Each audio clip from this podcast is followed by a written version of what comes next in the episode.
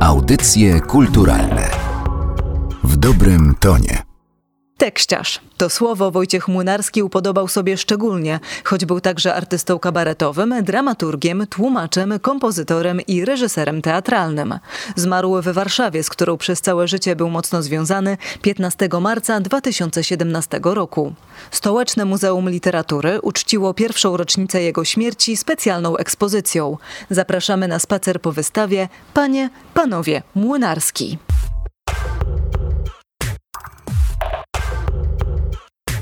Zaczynamy zwiedzanie od y, rękopisów i maszynopisów Wojciecha Młynarskiego, które uszeregowaliśmy w sześciu gablotach prezentujących różne aspekty osobowości artysty oraz jego drogi twórczej. Agnieszka Papieska. Pokazujemy zatem na przykład maszynopisy utworów, które reprezentują tak zwaną piosenkę felietonową, gatunek, który Młynarski z wielkim powodzeniem uprawiał. Pokazujemy go także jako warszawiaka, bo nie wszyscy wiedzą, że był wielkim miłośnikiem tego miasta.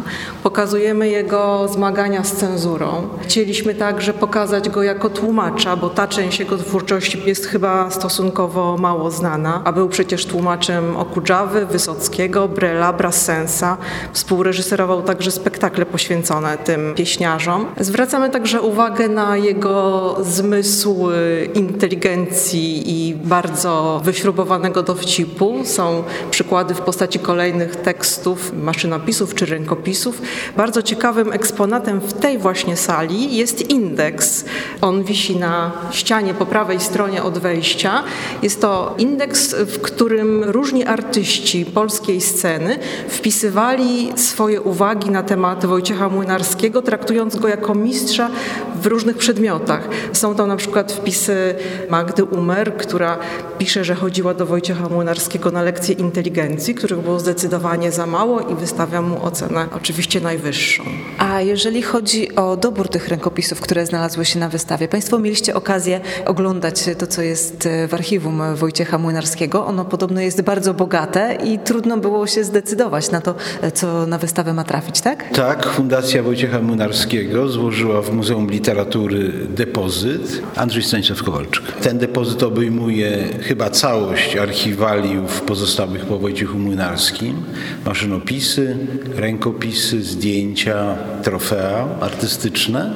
No i rzeczywiście te materiały zajmują kilka półek w magazynie rękopisów i selekcja była bardzo trudna, ponieważ no, wystawa jest kameralna, obejmuje właściwie dwie i pół sali, więc należało się zdecydować, wybrać i skomponować. Czy to wybieranie to bardziej zajmowało godziny, czy dni, a może tygodnie? Tygodnie nawet, bo jednak wystawa ma własny scenariusz i pewną dramaturgię, chociaż ujawnia tylko kilka aspektów tematu Wojciech Młynarski i mamy świadomość, że sporo jeszcze rzeczy, tematów, wątków pozostało. Czyli możemy ją potraktować trochę jak taki pierwszy rozdział historii Wojciecha Młynarskiego? Tak, jako sygnał, przypomnienie warszawiakom, że ich ulubiony niegdyś piosenkarz, poeta, wciąż jakoś jest obecny w Warszawie i Warszawa o nim pamięta.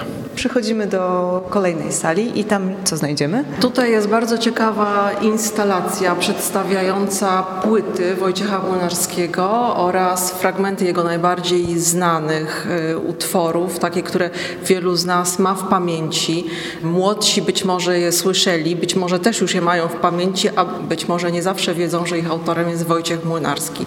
Są to takie typowe szlagworty, w których celował nasz autor. Na przykład Nie ma jak u mamy, czy róbmy swoje. Niektóre są może mniej nadające się do zacytowania. W każdym razie w tej sali chcieliśmy pokazać go jako twórcę piosenki, a także laureata wspaniałych nagród, bo nieraz wygrał swoimi piosenkami konkurs w Opolu. Tutaj właśnie stoi jedna z nagród opolskich, a oprócz tego diamentowy mikrofon przyznany przez Polskie Radio Wojciechowi Młynarskiemu za jego stałą obecność na falach radiowych. Wojciech Młynarski był był nie tylko autorem e, tekstów, był dramaturgiem, scenarzystą, tłumaczem, reżyserem, ale właśnie to słowo tekściarz e, sobie upodobał. Tekściarz, który bywał poetą. Jesteśmy w Muzeum Literatury. Czy tutaj możemy faktycznie stwierdzić, że tak daleko mu było do poezji, jak sam o sobie mówił? Nie, oczywiście nie było mu daleko.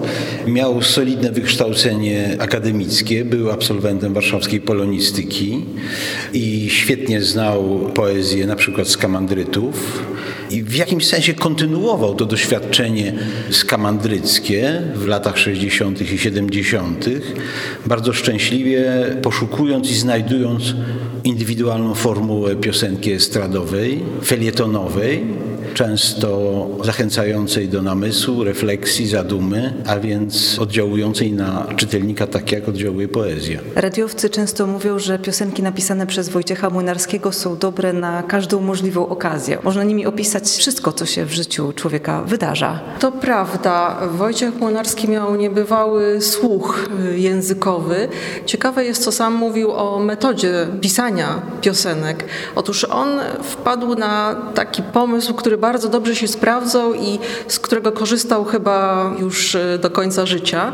Mianowicie łączył słowa podsłuchane na ulicy, gdzieś pod barami mlecznymi, w parkach, ze słowami z kultury wysokiej. I to dawało taki niesłychany kontrast i bardzo dobre połączenie. I to samo później zauważył tłumacząc Wysockiego czy Brassensa, czyli okazuje się, że jak gdyby ten pomysł, żeby połączyć niskie z wysokim jest bardzo dobrą drogą do tego, żeby trafić do szerokiego odbiorcy, bo właśnie tak się stało z twórczością Młynarskiego. A ciekawe jest jeszcze jedno.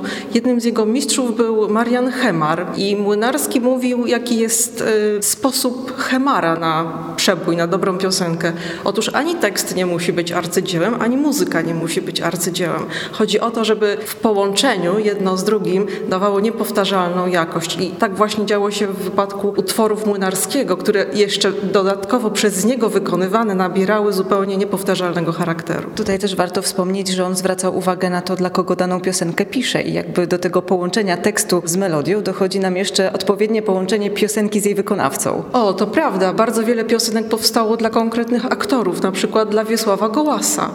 W co się bawić na przykład. Ten utwór powstał właściwie do min Gołasa. Twórcy nie mieli pomysłu na przebój, ale oczywiście tylko przebój wchodził w rachubę i wpadli na taki pomysł, że Gołas będzie robił miny, a Wojciech Młynarski do tego wymyśli tekst. Tak powstał utwór W co się bawić. Przede wszystkim Wojciech Młynarski potrafił zrobić z prostej rzeczy rzecz podszytą głębszym sensem, a to, że to było wyrażone w tak prosty sposób, czasami za pomocą słów zaczerpniętych właśnie wprost z ulicy, powodowało, że ten przekaz, który był jednak przekazem głębszym i pełnym refleksji, trafiał do wielu. Przy okazji piosenki Róbmy swoje jest taka anegdota, że tymi słowami zarówno Jaruzelski mówił do członków partii, jak i Lech Wałęsa do członków Solidarności. Tak, to prawda. Wojciechowi Młynarskiemu nie bardzo się to podobało i napisał nawet kolejny felieton na ten temat, że nie w każdych ustach róbmy swoje znaczy to samo. I kolejne eksponaty, kolejna sala.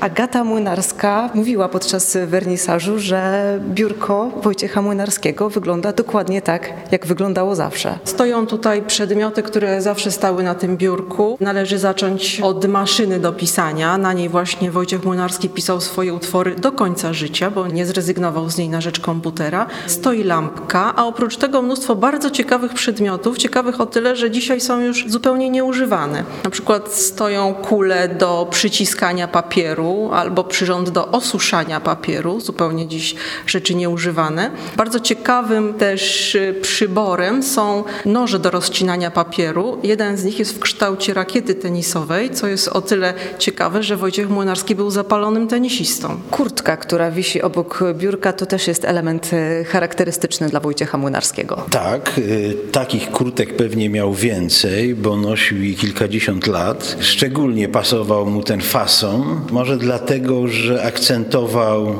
dystans, jakąś niezależność także w zakresie ubioru. No to jest kurtka Marine, amerykańskiej piechoty morskiej, która mi się podobała. Jakoś był zżyty z tą modą.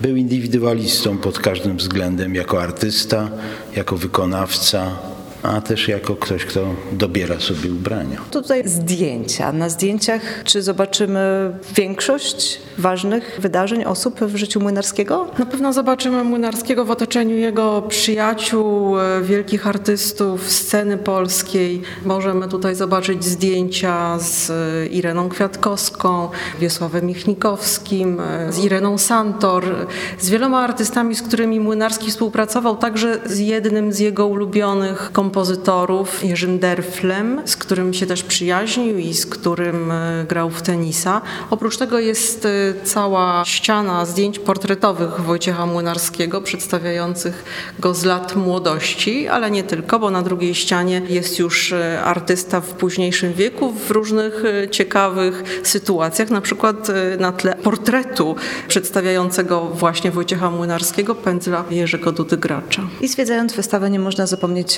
o filmie, który możemy tutaj zobaczyć. To jest zwiastun filmu, który będzie można obejrzeć 19 maja podczas nocy Muzeum Dokumentu poświęconego Wojciechowi Młynarskiemu. Młynarski piosenka finałowa. Oprócz tego prezentujemy też w takiej formie wizualnej zdjęcia, które można też obejrzeć na wystawie, rękopisy plus piosenki wybrane Wojciecha Młynarskiego, żeby też jego głos mógł w tej przestrzeni zabrzmieć. Oczywiście nie mogło zabraknąć e, piosenki Jeszcze w zielone gramy, która też wita zwiedzających, ponieważ fragmenty powiesiliśmy w pierwszej sali. A wracając jeszcze do tych rękopisów, e, które możemy tam oglądać, czy coś w archiwach Wojciecha Młynarskiego Państwa zaskoczyło? Czy było tam coś, czego się Państwo nie spodziewali? Może właśnie te dokładne rozpiski konferencjerki, bo nie miałam okazji wcześniej widzieć takiego warsztatu. Nie zastanawiałam się co prawda nigdy, jak pracuje konferencjer, ale dzięki temu archiwum miałam okazję to zobaczyć. Także są to na wielu stronicach rozpisane bardzo dokładnie wejścia poszczególnych osób, jego jako prowadzącego oraz kolejnych artystów, ale rozpisane bardzo dokładnie, z każdym detalem, którego widz nawet nie widzi, a o którym ktoś, kto prowadzi spotkanie z widownią, musi pamiętać. Także to było dla mnie takie ciekawe.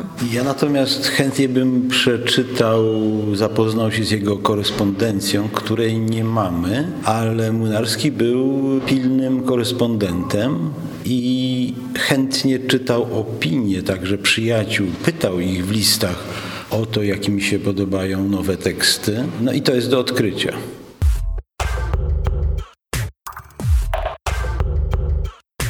Materiał przygotowała Magdalena Miszewska.